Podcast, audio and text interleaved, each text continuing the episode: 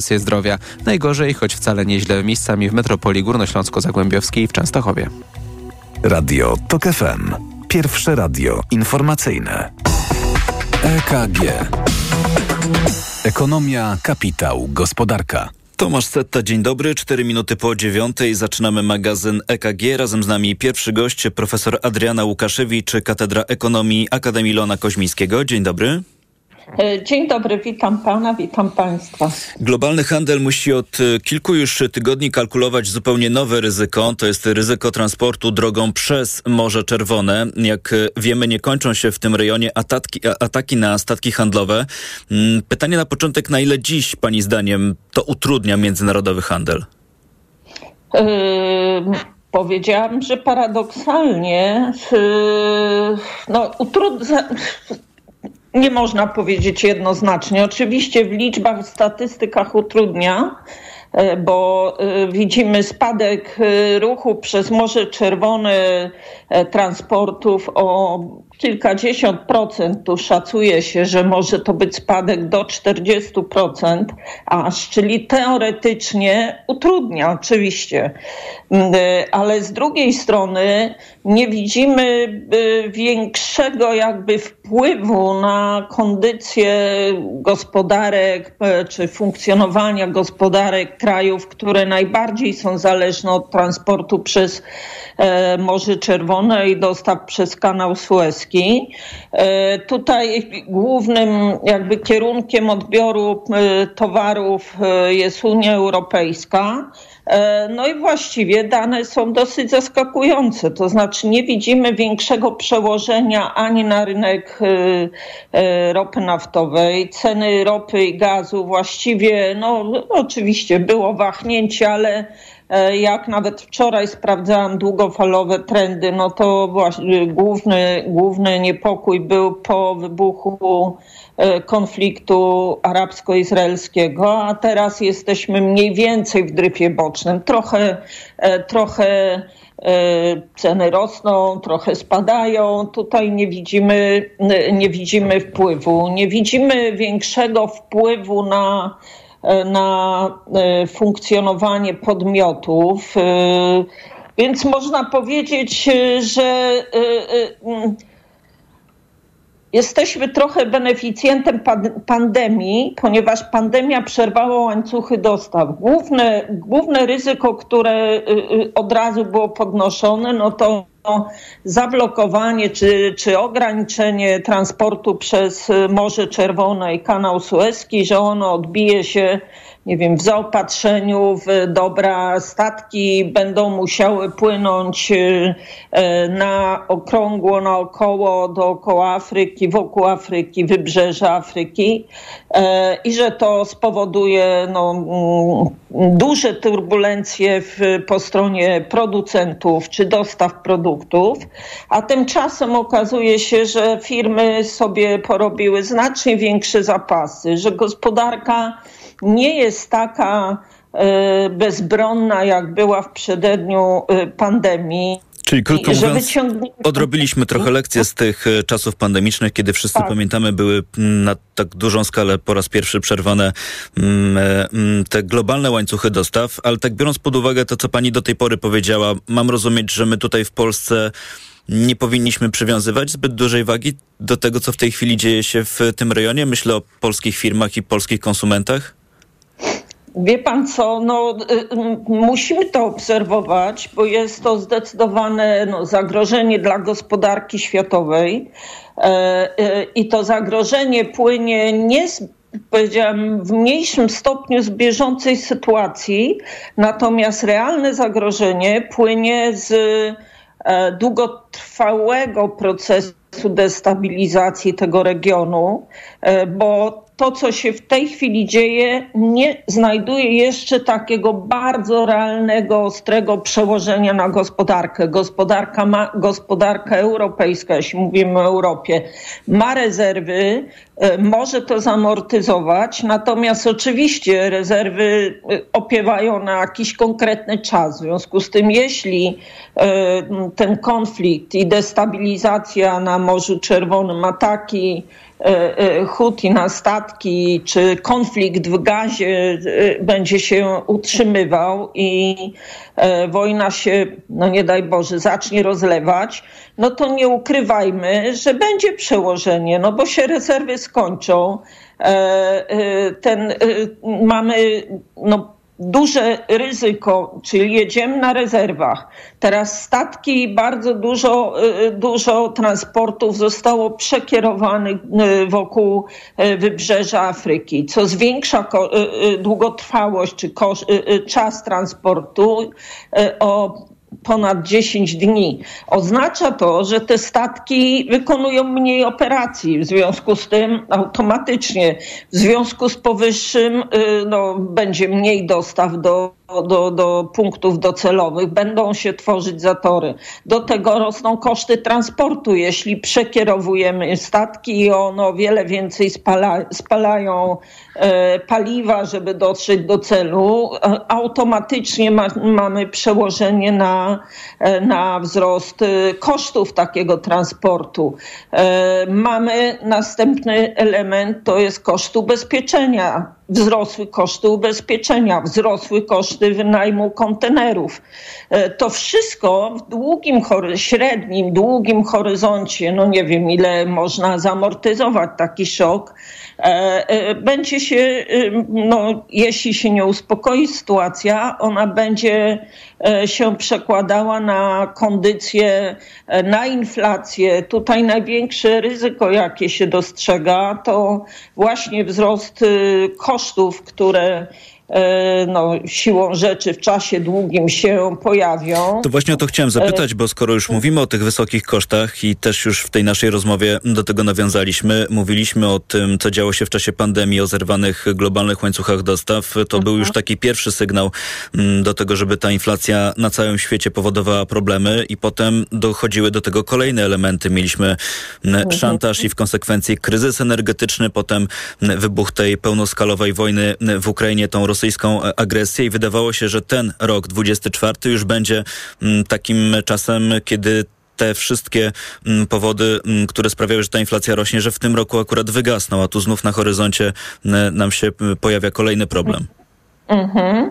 I tu ma pan rację, i to pokazuje, że jesteśmy w świecie nieprzewidywalnym, bo to, co się y, wydarzyło i reakcja Huti, i rozgrywanie przez Huti swojej własnej gry, bo Huti trochę weszło w ten y, konflikt i w, w ostrza nie wiem, statków na Morzu e, Czerwonym e, w celu odwrócenia, no w jakimś przynajmniej stopniu, w celu odwrócenia uwagi od problemów wewnętrznych w kraju.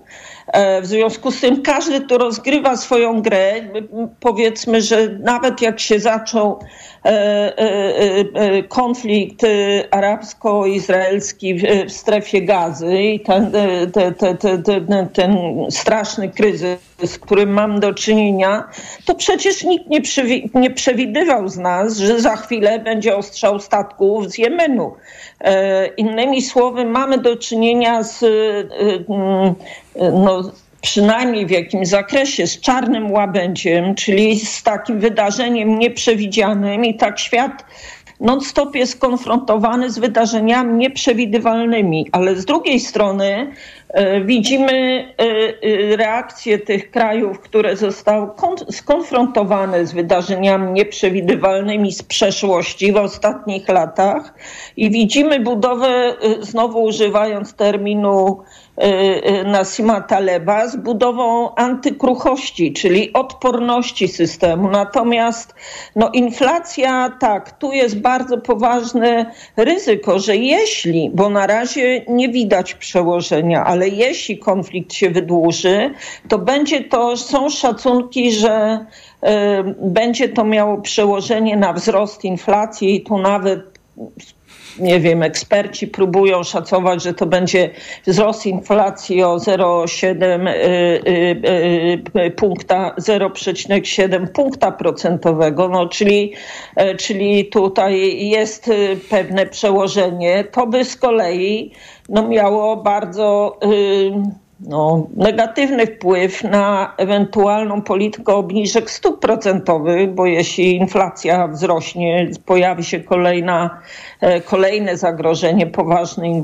inflacyjne. Czy no tak, to nie będzie żadnych szans na ułagodzenie polityki e, pieniężnej na całym e, świecie stopy procentowe, to ma pan przełożenie na produkt krajowy brutto, tak? Czyli wysokie stopy procentowe hamują wzrost PKB. Europa znajduje się, no nie, w, w nie jakoś nie znajduje się w fantastycznym stanie gospodarczym, a raczej, e, raczej balansuje na, na krawędzi, a to recesja, to małego e, wzrostu gospodarczego, więc to nie jest e, pozytywna informacja dla nas pod warunkiem, że to wszystko się wydarzy. To znaczy konflikt będzie długotrwały, głęboki. E, no mamy problem również natury politycznej, bo e, e, na przykład jest to problem dla zarówno dla Stanów Zjednoczonych, jak i dla Wielkiej Brytanii, przede wszystkim tych dwóch krajów, które uwikłały wkłały się w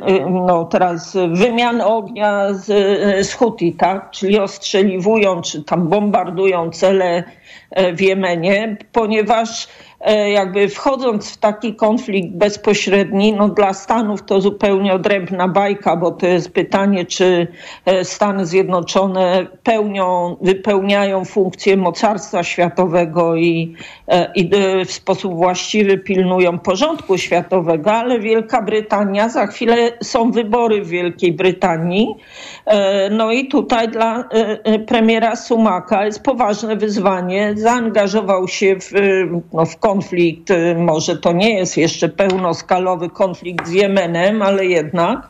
E, no i pytanie, czy będą jakieś efekty konkretne, czy jest przełożenie, czy to tylko wejście w konflikt y, e, i y, żadnego efektu. E, dla Europy jest poważny problem z dostawami ropy naftowej tu jest kolejne, rysuje się zagrożenie, bo od momentu konfliktu z Rosją Europa zależy od dostaw drogą morską. I teraz przerwanie dostaw drogą morską y, surowców energetycznych no, stanowiłoby poważny problem. Jedna trzecia dostaw do Europy y, y, ropy naftowej pochodzi z regionu Bliskiego Wschodu. Teraz widzimy, że. Pani konflikt... profesor, y, wejdę na moment w słowo, bo y, powoli będziemy zbliżać się do końca. Powiedzieliśmy bardzo dużo o tych ryzykach, które mogą się mm, pojawić, e, choć nie wiemy, czy one rzeczywiście się zmaterializują, bo wszystko mm, zależy od rozwoju sytuacji na Bliskim Wschodzie, ale chciałem mm, wrócić do tego wątku, który pani y, poruszyła, czyli budowy tej odporności, bo mhm. pytanie, czy coś w tym kierunku można zrobić, przyjmując takie założenie, że w przyszłości trzeba być gotowym na e, tego typu szoki. Trochę mówiliśmy o budowaniu zapasów, ale tak sobie mhm. myślę, że to ma jakieś istotne ograniczenia, to znaczy nie wszystko da się w długim terminie składować. Samo składowanie też ma takie ograniczenia, że to kosztuje. Jak się wypełni magazyny po brzegi, mm, to potem no, nie jest się w stanie, trzeba zbudować nowy magazyn albo trzeba y, więcej płacić za składowanie tego, więc pytanie w jaki sposób europejskie gospodarki, bo o tym też powiedzieliśmy, one są mhm. uzależnione od tego transportu, jak mogą budować tę odporność? No tak, oczywiście. No wielu, y, y, pewne rzeczy możemy zrobić, pewne możemy zrobić w zakresie jakimś ograniczonym, a niektórych rzeczy nie możemy zrobić. Własnej ropy naftowej nie, nie odkryjemy, no mamy ile mamy, więcej nie będziemy mieć, więc tutaj wiele nie możemy zrobić poza, nie wiem, dywersyfikacją kierunków dostaw. No, co Europa robi, ale że tak powiem, mamy parę regionów na świecie, w którym jest, są surowce energetyczne e, i jeśli jeden wypad, e, drugi się znajduje w turbulencjach, z tych głównych, mówię o Rosji i o Bliskim Wschodzie, no to za wiele nam alternatyw nie zostaje. Ale jeśli chodzi o produkcję, tak, jest tutaj ewidentne dostosowywanie się i odchodzenie powolno od modelu produkcji just in time y, przez budowę właśnie znacznie większych y, zapasów, które oczywiście koszty podnoszą, to nie ulega kwestii, ale dają gwarantują ciągłość produkcji. Nie wiadomo, co generuje większe koszty. Brak dostaw e, produktów e, czy posiadanie e, Ale do tego jest trzeci trzeci kierunek rozważań, a mianowicie gdzie lokalizować produkcję. I tutaj jest też e, może to wydarzenie stać się kolejnym argumentem i asumptem do przenoszenia produkcji e, znacznie bliżej, czyli zastosowanie tutaj w tej chwili przejście do modelu nearshoringu, E, czy friendshoringu. Czyli do skracania tych globalnych łańcuchów dostaw, tak żeby nie, nie wystawiać się na te ryzyka w przyszłości. Czyli blokowaniu na jednym nawet kontynencie. Wtedy jesteśmy znacznie bardziej uniezależnieni od warunków e, klimatycznych i geopolitycznych. E, no to są takie główne, że tak powiem, kierunki. Wydaje mi się, że powoli ta lekcja jest y, y, odrabiana. Natomiast Musimy kończyć. Jest... Mhm. Mhm. Musimy kończyć, więc tu post, proponuję, żebyśmy postawili kropkę, ale mm, z tego, co też e, wynika z naszej rozmowy, pewnie jeszcze będziemy do e, tego typu tematów wracać w magazynie EKG. Za dziś bardzo serdecznie dziękuję. Profesor Adriana Łukaszewicz, Akademia Leona Koźmińskiego była Państwa e, gościem i wątki międzynarodowe dziś w magazynie EKG. Za moment informacje, po nich wracamy i wrócimy też z tych tematów międzynarodowych do Polski. EKG. Ekonomia, kapitał, gospodarka. Autopromocja. Dołącz do Tok FM Premium. Teraz 40% taniej. Wybierz te audycje Tok FM, które Cię interesują. Słuchaj swoich ulubionych programów zawsze, gdy masz na to czas i ochotę. W pakiecie otrzymasz dostęp do nagradzanych seriali reporterskich oraz produkcji specjalnych Tok FM, dostępnych wyłącznie w internecie. Słuchaj tak jak lubisz, wygodnie i bez reklam. Tok FM Premium. Więcej niż radio. Teraz 40% taniej. Szczegóły Oferty znajdziesz na tokefm.pl. Autopromocja. Reklama. Aniu, boli gardło. Czy możesz wziąć za mnie zastępstwo w piątej A? Oczywiście, Ewa. A ty na zapalenie gardła weź pastylki do ssania Septinum Silver. Wyrób medyczny Septinum Silver dzięki zawartości nanosrebra wspomaga leczenie infekcji bakteryjnych i wirusowych gardła. Łagodzi ból, chroni i nawilża gardło. Septinum Silver. Pierwsza pomoc przy bólu gardła. Dostępny także w sprayu. Producent oraz podmiot prowadzący reklamę Zdrowit. To jest wyrób medyczny. Używaj go zgodnie z instrukcją używania lub etykietą. Reklama. Radio TOK FM. Pierwsze radio informacyjne. Informacje TOK FM. 9.21 Filip Kakusz, zapraszam. Co najmniej pięć osób nie żyje, 40 jest rannych po zmasowanym ataku rakietowym Rosji na Ukrainę. Dziś rano rakiety i drony nadleciały nad wiele regionów kraju, w tym największe miasta Kijów i Charków. W tym drugim jest najwięcej poszkodowanych po tym, jak pociski trafiły w dwa bloki mieszkalne. Resort Spraw Wewnętrznych twierdzi, że ratownicy badają uszkodzone budynki, oczyszczają gruzy. Na miejscu są też psychologowie. Minister Sprawiedliwości, prokurator generalny najpóźniej jutro przekaże prezydentowi dokumenty z opinią w sprawie Macieja Wąsika Wąsika i Mariusza Kamińskiego, przekazała jego zastępczyni Maria Eichhardt w Polsat News. Po tym jak prezydent wszczął procedurę łaskawieniową w sprawie byłych szefów Centralnego Biura Antykorupcyjnego, Adam Bodnar miał przygotować opinię w sprawie ich ewentualnego uwolnienia. Wczoraj doradca prezydenta Błażej Poboży przekazał, że Mariusz Kamiński, który od kilkunastu dni prowadzi strajk głodowy, trafił do szpitala. Jednak Wirtualna Polska informuje, że po badaniach związanych z niskim poziomem cukru wrócił do celi. O tym, czy zgodzić się na dołączenie Szwecji do NATO, będzie dziś obradował turecki parlament. Jeśli posłowie, z których większość stanowią członkowie Partii Sprawiedliwości i Rozwoju prezydenta Recepa Erdoana, będą za ratyfikacją odpowiednich dokumentów, jedynym krajem paktu, który stoi na przeszkodzie w rozszerzeniu sojuszu, będą Węgry. Turcja od miesięcy wstrzymuje akcesję Szwecji, twierdząc, że Sztokholm wspiera terrorystów i ukrywa kurdyjskich bojowników. Fryderyk X, który kilka dni temu został ogłoszony królem Danii, ze swoją pierwszą zagraniczną wizytą uda się do Polski. Przyjedzie 31 stycznia, wyjedzie 2 lutego. Spotka się z prezydentem Andrzejem Dudą i innymi ważnymi politykami. Wraz z królem do Warszawy przyjedzie delegacja przedsiębiorców z firm związanych z energetyką, produkcją rolną i produkcją biogazu. Pogoda. Deszcz ze śniegiem albo deszcz w całej Polsce. Temperatury ponownie na plusie od jednego stopnia na południowym wschodzie przez około 4 w centrum do 7 w zachodnio-pomorskim. Nad morzem silny wiatr, roztopy na północnym wschodzie. Radio TOK FM. Pierwsze radio informacyjne. EKG. Ekonomia, kapitał, gospodarka. 23 minuty po dziewiątej zaczynamy drugą część magazynu EKG. Państwa kolejni goście to dziś pan Piotr Soroczyński, główny ekonomista Krajowej Izby Gospodarczej. Dzień dobry. Dzień dobry. I zdalnie łączą się z nami też pan Marcin Mrowiec, główny ekonomista Grant Thornton. Dzień dobry. Dzień dobry. I pani Beata Gessel-Kalinowska-Welkalisz, międzynarodowy arbiter, założycielka i senior partner w kancelarii Gessel. Również dzień dobry. Dzień dobry Państwu. Y, przyznam się Państwu szczerze, bez y, bicia, że mam e, nie lada kłopot, od czego zaczniemy, dlatego że wczoraj Główny Urząd Statystyczny przekazał nam całe mnóstwo informacji na temat tego, co z polską gospodarką działo się pod koniec tego już minionego roku, czyli w grudniu. No, kłopot bierze się stąd, od czego, od czego mam zacząć, bo te dane są moim zdaniem e, całkiem ciekawe. To może umówmy się tak, że oddam Państwu, naszym gościom głos i pytanie, co Państwa w tych danych najbardziej zaciekawiło. Ja tylko dodam, że to dane o rynku pracy, o naszych wynagrodzeniach i o naszych zakupach, tak upraszczając, co tam się w tym grudniu działo w okresie przedświątecznym. Może na początek pan Piotr Soroczyński. Mhm, to ja pozwoliłbym sobie zacząć od wyników przemysłu. One były znów na minusie, jeżeli mówimy o danych rok do roku. E, I to był dosyć poważny minus. Owszem, część analityków na rynku spodziewała się, że tam może być jeszcze gorzej, no ale to już by było naprawdę bardzo źle. I mamy też jednocześnie, w związku z tym, że poznaliśmy dane za grudzień, mamy też podsumowanie całego roku. To jest minus 1,5% w ujęciu realnym, więc widać, że przemysł, który zazwyczaj nam daje wzrostu 4, 5, 7, czasem nawet 8%, tym razem miał regres 1,5%.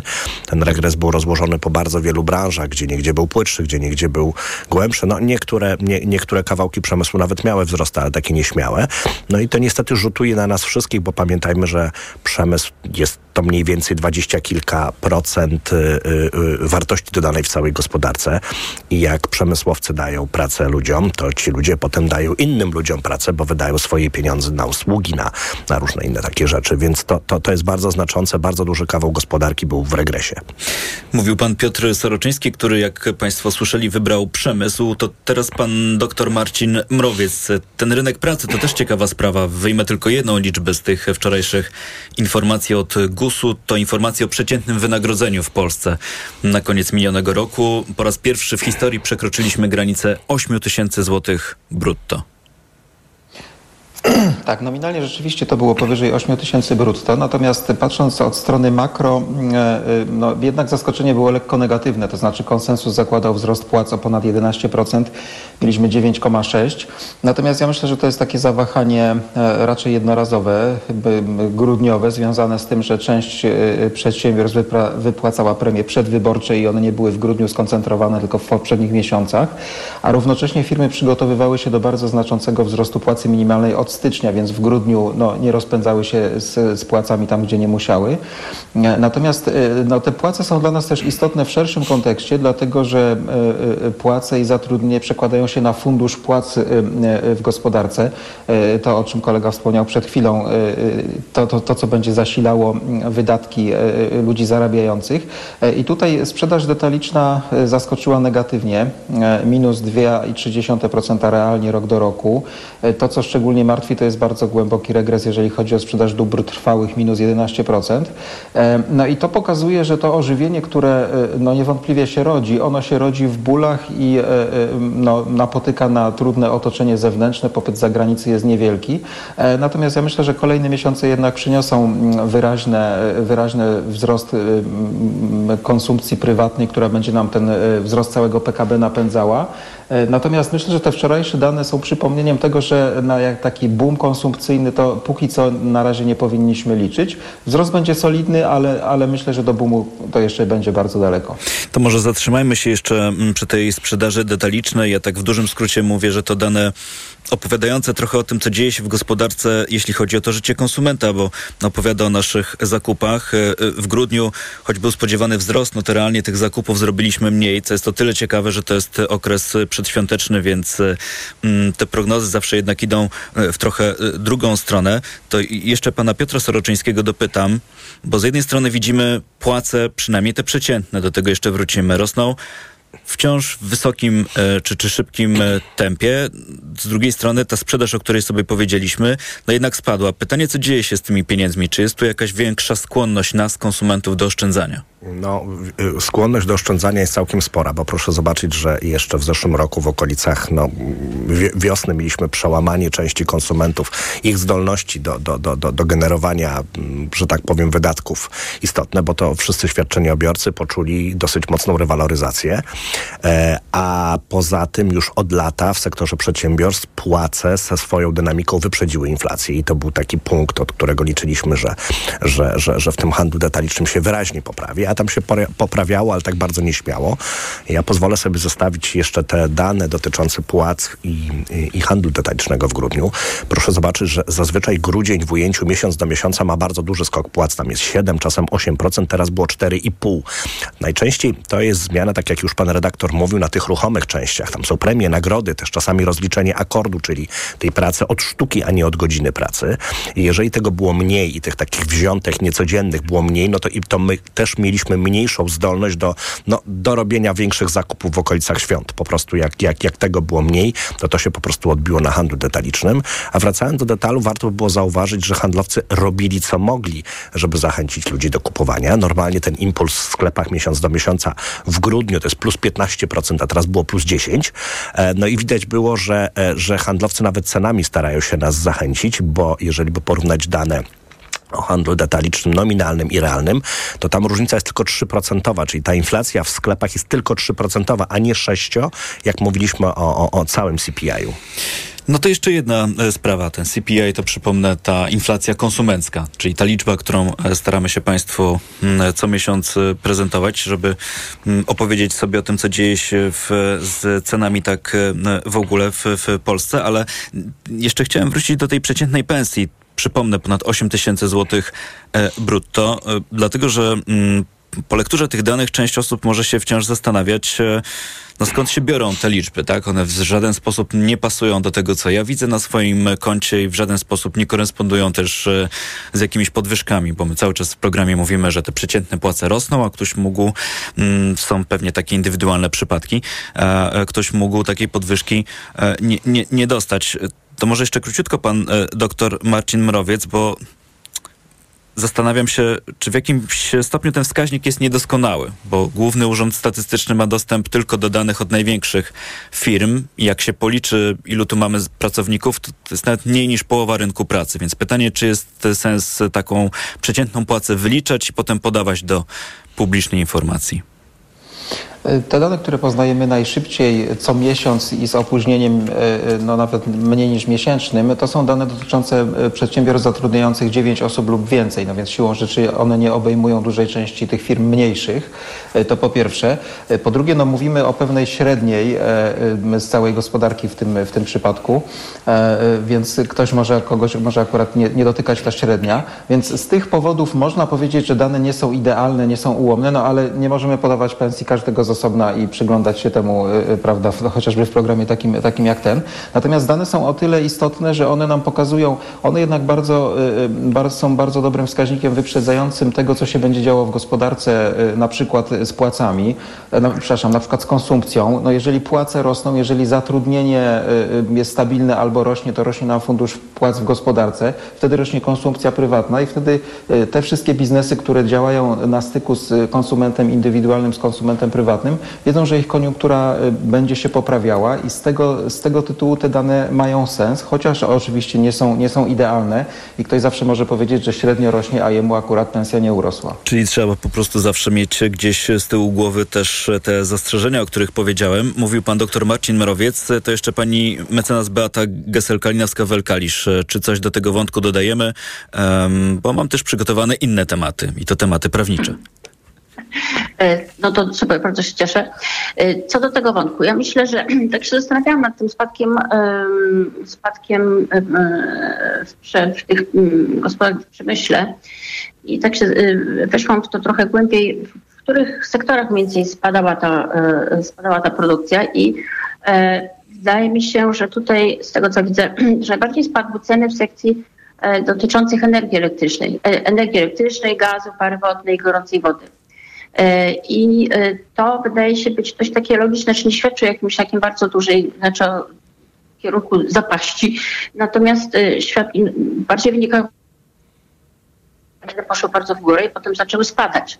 Natomiast sektory, których, czyli te, głównie te sektory energetyczne pociągnęły trochę w dół sprzedaż w produkcji. Natomiast do góry poszły prawie ponad 7% ceny w produkcji budowlano-montażowej. To jest, to, jest, to jest ciekawe, tak by koreluje z tym, co się w tej chwili dzieje, jeżeli chodzi o boom na mieszkania. To taka moja tylko uwaga. I jakby prognozy na następny rok są takie chyba, że będzie się zwiększało, a nie, a nie zmniejszało, więc to jest raczej optymistyczne. E, a z takich innych kwestii statystycznych, to, to e, zastanawiałam się też, zwróciłam uwagę na to, w jaki sposób e, wzrastał eksport. Nasz, nasz bilans eksportu i, i, importu jest dosyć pozytywny dla nas. Większy eksport, spada import aczkolwiek ten import, znaczy eksport wzrósł o prawie 2% rok do roku, y, a import spadł o 6,6%. I tak też sobie myślę, czy to jest właśnie skorelowane z tym spadkiem też produkcji, produkcji przemysłowej w Polsce. Ale generalnie, jeśli nam eksport wzrasta, to jest to bardzo pozytywny wskaźnik dla gospodarki.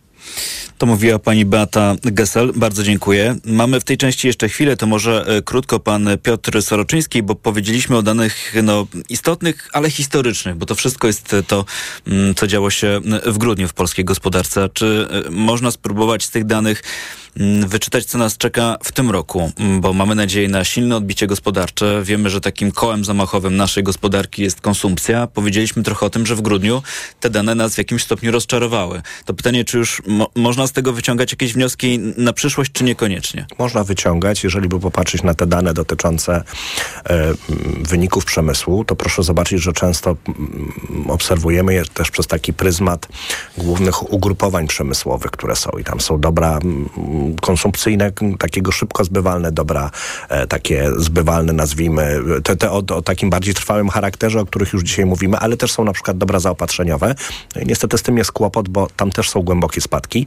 Znaczy widać, że firmy wciąż nie widzą perspektywy e, takiego bardzo szybkiego rozwoju, dużej ilości zamówień, nie szykują e, zapasów, które są potrzebne, żeby wytwarzać, więc widać, że to takie ożywienie, na które czekamy, czyli te dwa takie ocknięcia, jeden w naszej konsumpcji, a drugie u naszego zachodniego głównego partnera, no wciąż czekamy i wciąż one nam uciekają.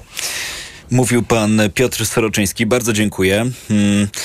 Dużo tej statystyki w magazynie KG dzisiaj, ale obiecuję, że w tym momencie e, tej statystyki już e, będzie e, trochę mniej. No trochę nie mieliśmy wyjścia, bo Główny Urząd Statystyczny uznał, że wszystkie te dane, które nas tak na co dzień interesują, opublikuje jednego dnia, więc tak jakoś musieliśmy się masowo mm, do tego odnieść. W poprzednich miesiącach wyglądało to trochę inaczej, było to trochę mm, rozbite. Mniej statystyki, pojawią się wątki prawnicze, będą też no, te związane z tym, co dzieje się w spółkach Skarbu Państwa. Wszystko to w kolejnej części magazynu EKG. Teraz jest 9.36 i zapraszam Państwa na informacje. EKG. Ekonomia, kapitał, gospodarka. Od światowych rynków. O Twój portfel. Raport gospodarczy. Mówimy o pieniądzach. Twoich pieniądzach. Słuchaj od wtorku do piątku po 14.40.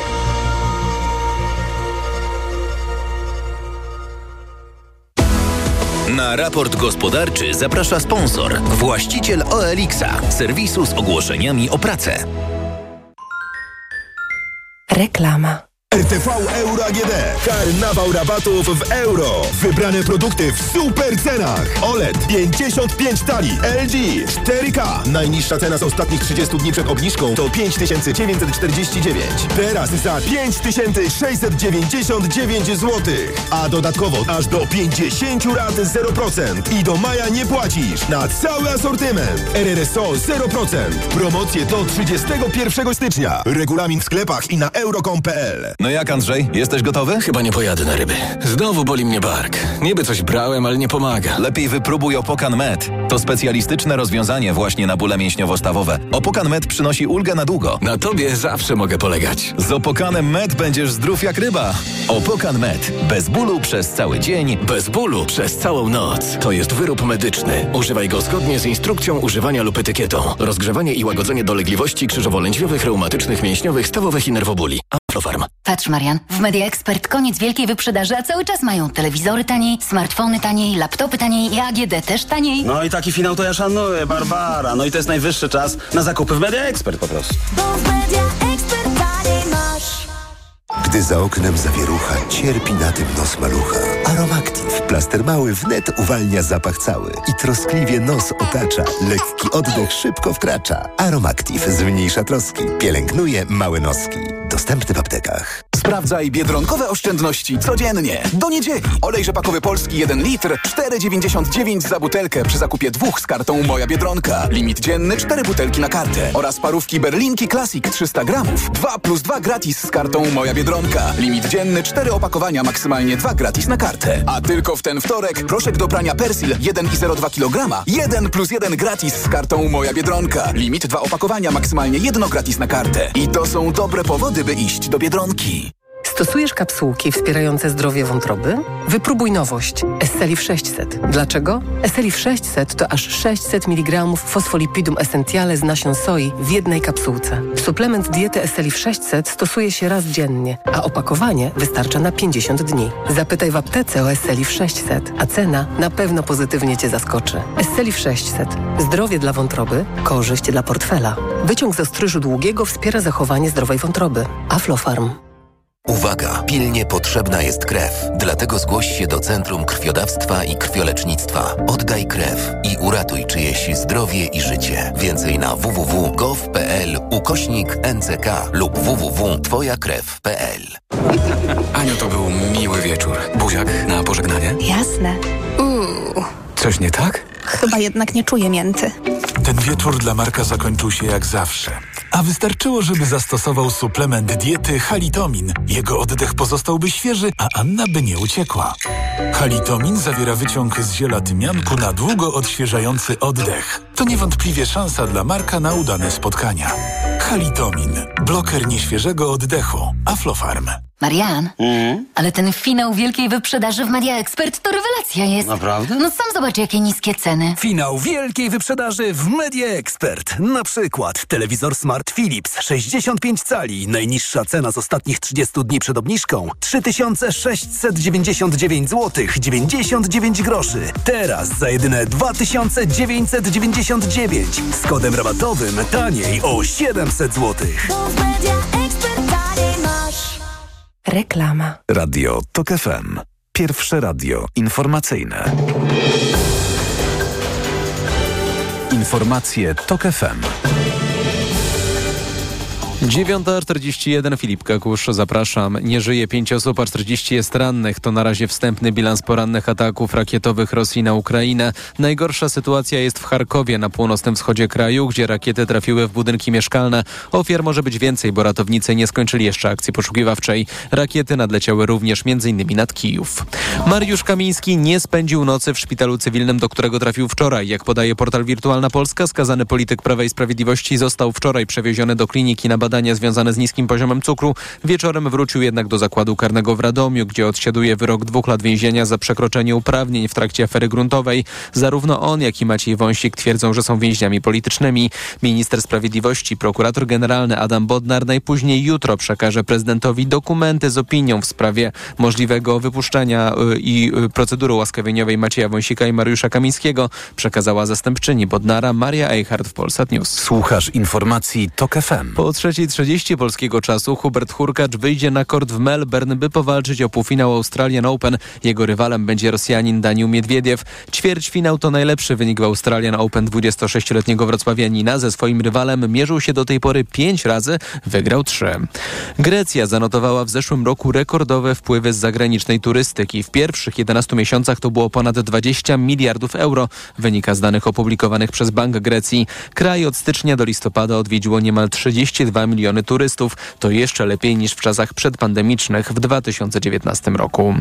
Dziś poznamy Oscarowe nominacje. W Hollywood głośno mówi się o ubiegłorocznych premierach, takich jak Oppenheimer czy Barbie, ale kandydatów w wyścigu po statuetki jest więcej. Wśród aktorów i aktorek m.in. Killian Murphy, Emma Stone i Robert Downey Jr.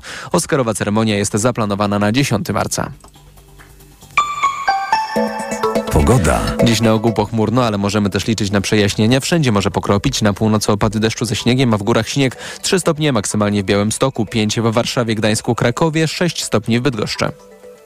Radio TOK FM. Pierwsze radio informacyjne. EKG. Ekonomia, kapitał, gospodarka.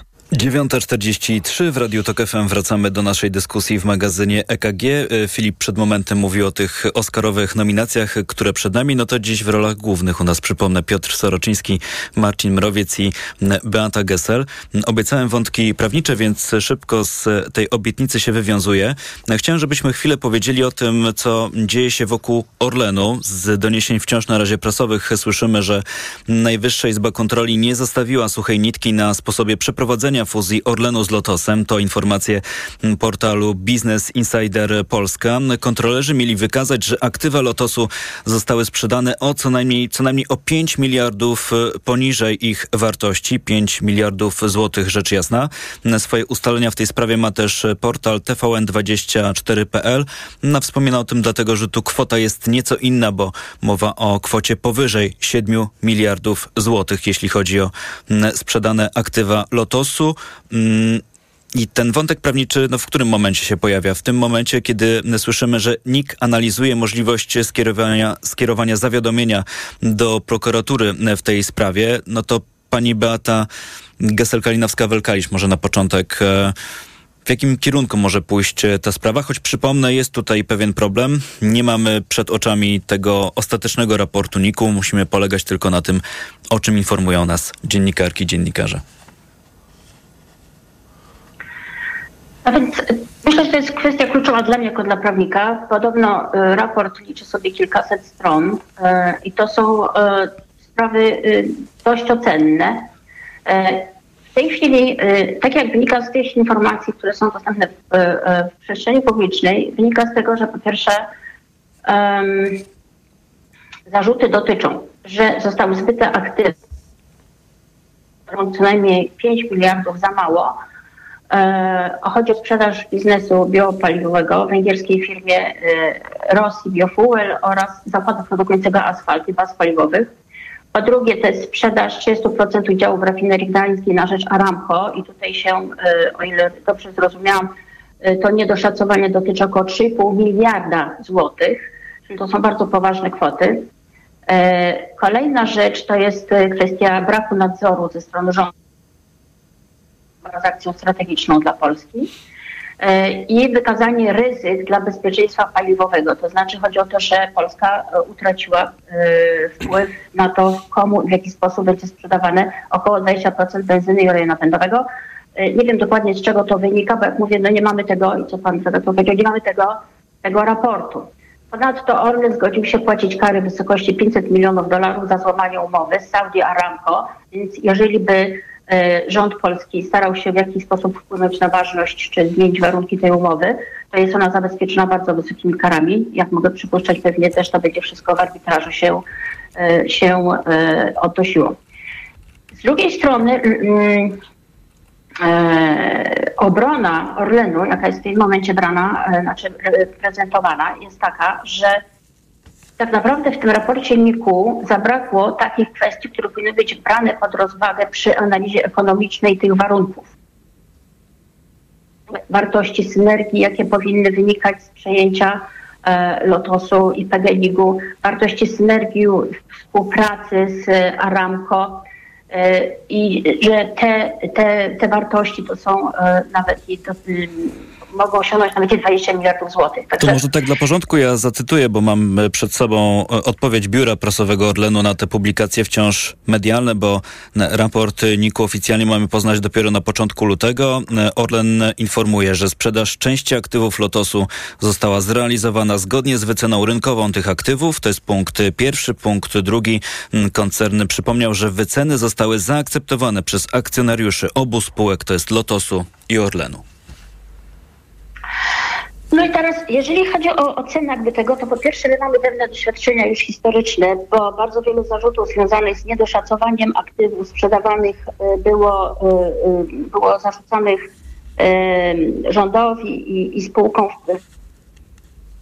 pierwszego etapu prywatyzowania polskiej gospodarki i one właściwie dają też jakby pewien, pewien materiał taki porównawczy.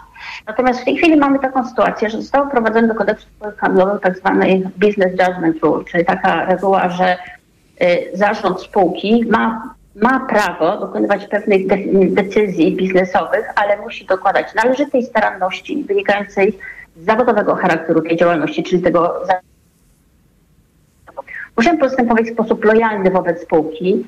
To jest druga rzecz. I trzecia, że muszą działać w granicach uzasadnionego ryzyka gospodarczego, tym mogą się podpierać informacjami, analizami, opiniami. Przy czym y, tutaj bardzo wybija się w obronie y, w stanowisku Orlenu, wybija się właśnie kwestia tego, że było tam ponad 100 specjalistów, od prawników, ekonomistów, y, którzy badali te transakcje, wyceniali na, na podstawie tych opinii wszystkich ta transakcja została przeprowadzona.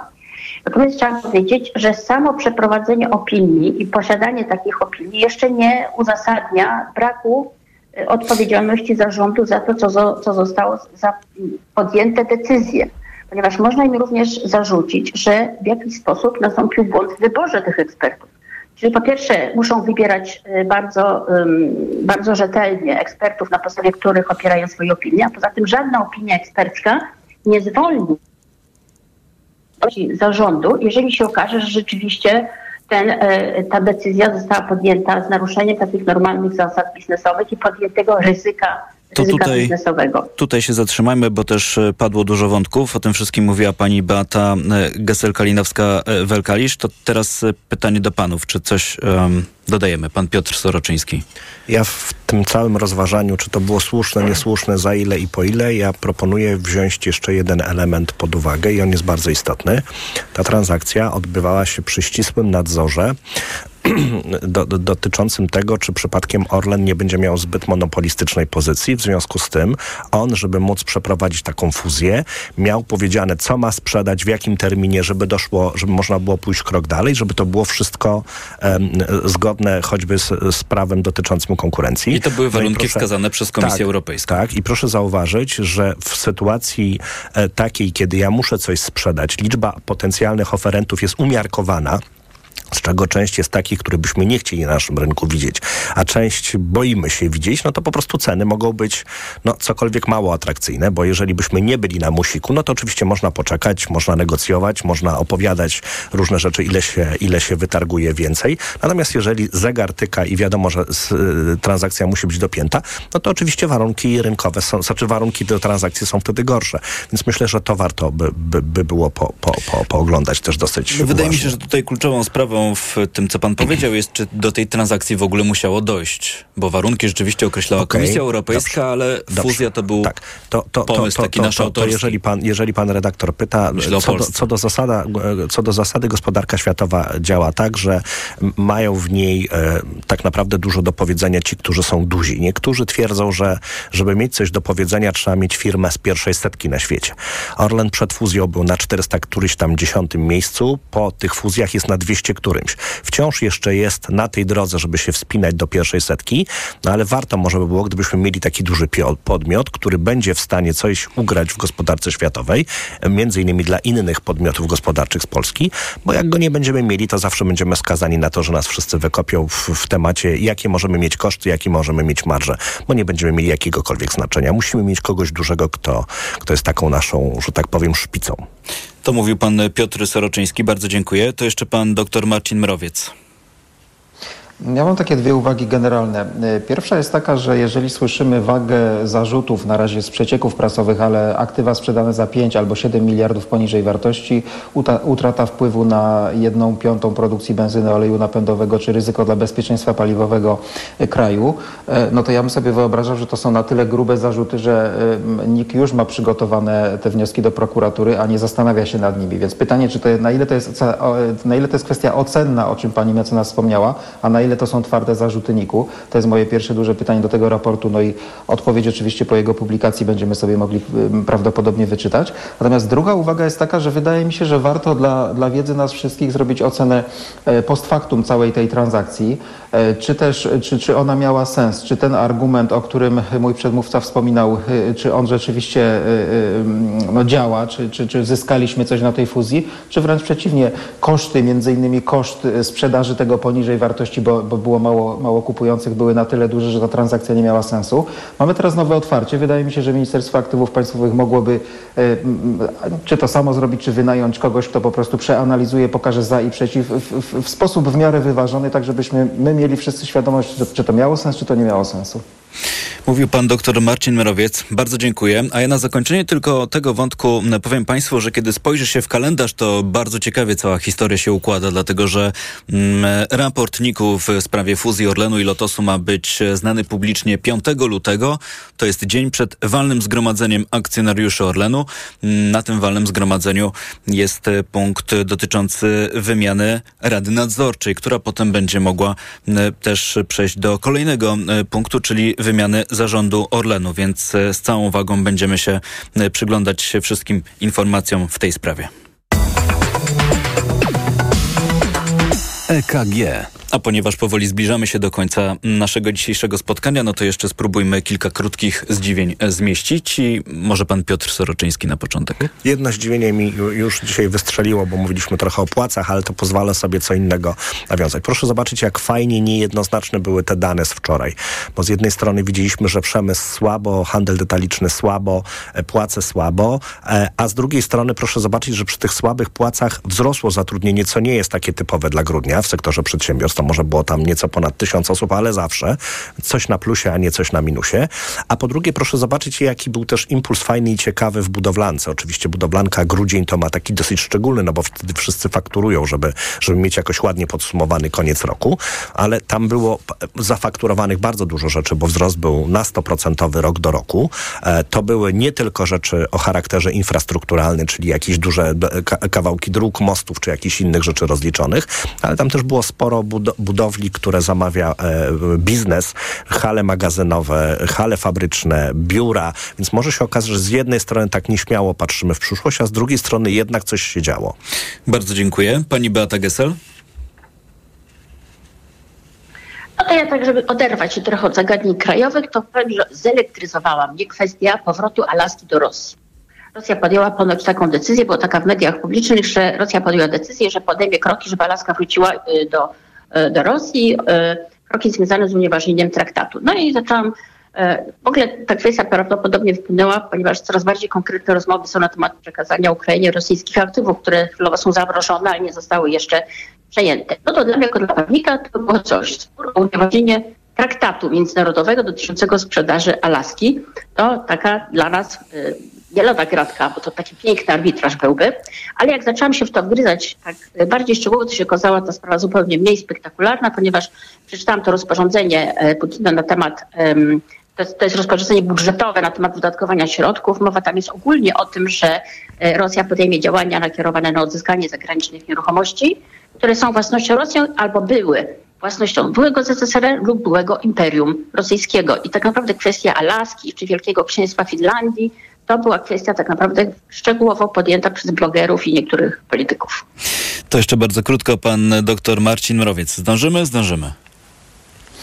E, Tak, no dla mnie zdziwieniem poprzedniego tygodnia zdecydowanie na pierwszym miejscu była deklaracja pani wiceminister klimatu Urszuli, Urszuli Zielińskiej, która została złożona na, w czasie nieformalnego spotkania ministrów do spraw środowiska Unii Europejskiej, e, gdzie pani wiceminister zadeklarowała, e, e, że Polska jest za tym, aby obniżyć redukcję gazów cieplarnianych o 90% do 2040 roku.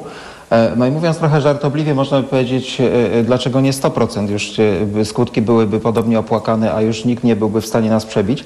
Natomiast mówiąc całkiem poważnie, myślę, że po prostu musimy wyważyć pomiędzy dbałością o środowisko, redukcją gazów cieplarnianych, a kosztami społecznymi, które no, przy tych liczbach, o których pani wiceminister wspominała, byłyby drastyczne. Dla uspokojenia dodam, że od tego stanowiska pani odcięła się pani minister Henik Kloska Tak, i i pan tego minister samego Kośniak-Kamysz. tego jeszcze, samego, jeszcze tego samego dnia, więc e, niektórzy trochę żartobliwym, żartobliwym tonem mówili, że ta ambitna polityka klimatyczna Polski wytrzymała raptem 2-3 godziny, bo to w takich odstępach czasowych mogliśmy się zapoznać z tymi wypowiedziami. Mówił dr Marcin Mrowiec, Grant Thornton. Bardzo dziękuję. Byli z nami też Piotr Soroczyński, Krajowa Izba Gospodarcza. Również dziękuję. I pani mecenas Beata Gesel-Kalinowska-Wel-Kalisz. Magazyn EKG przygotował Michał Tomasik, wydawał Maciej Jarząb, a zrealizowała Liwia Prądzyńska. Za moment w Radiu Tok FM godzina 10 to czas na informacje, a tuż po nich audycja Owczarek i Cezary Łasiczka. Tomasz Setta. Dobrego dnia, do usłyszenia. EKG. Ekonomia, kapitał, gospodarka. Lista przebojów TOK FM. Jakie radio? Taka lista. TOK 4. 30 tysięcy w tej chwili osób y, czeka z przyczyn procesowych na skazanie do zakładów y, karnych. Z przyczyn czysto procesowych albo to są osoby poszukiwane listem y, gończym, albo w, dla, w imieniu których pełnomocnicy obrońcy złożyli różnego rodzaju wnioski o odroczenie wykonania kary. Tak więc uspokajam. W tej chwili w Polsce mamy przygotowanych 85 tysięcy miejsc w zakładach karnych i, aresztu, i aresztach śledczych.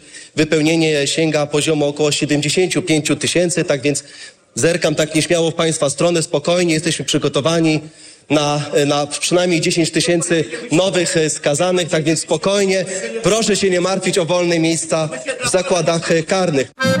Lista przebojów TOK FM. Słuchaj i głosuj na portalu informacyjnym tokefm.pl. Reklama.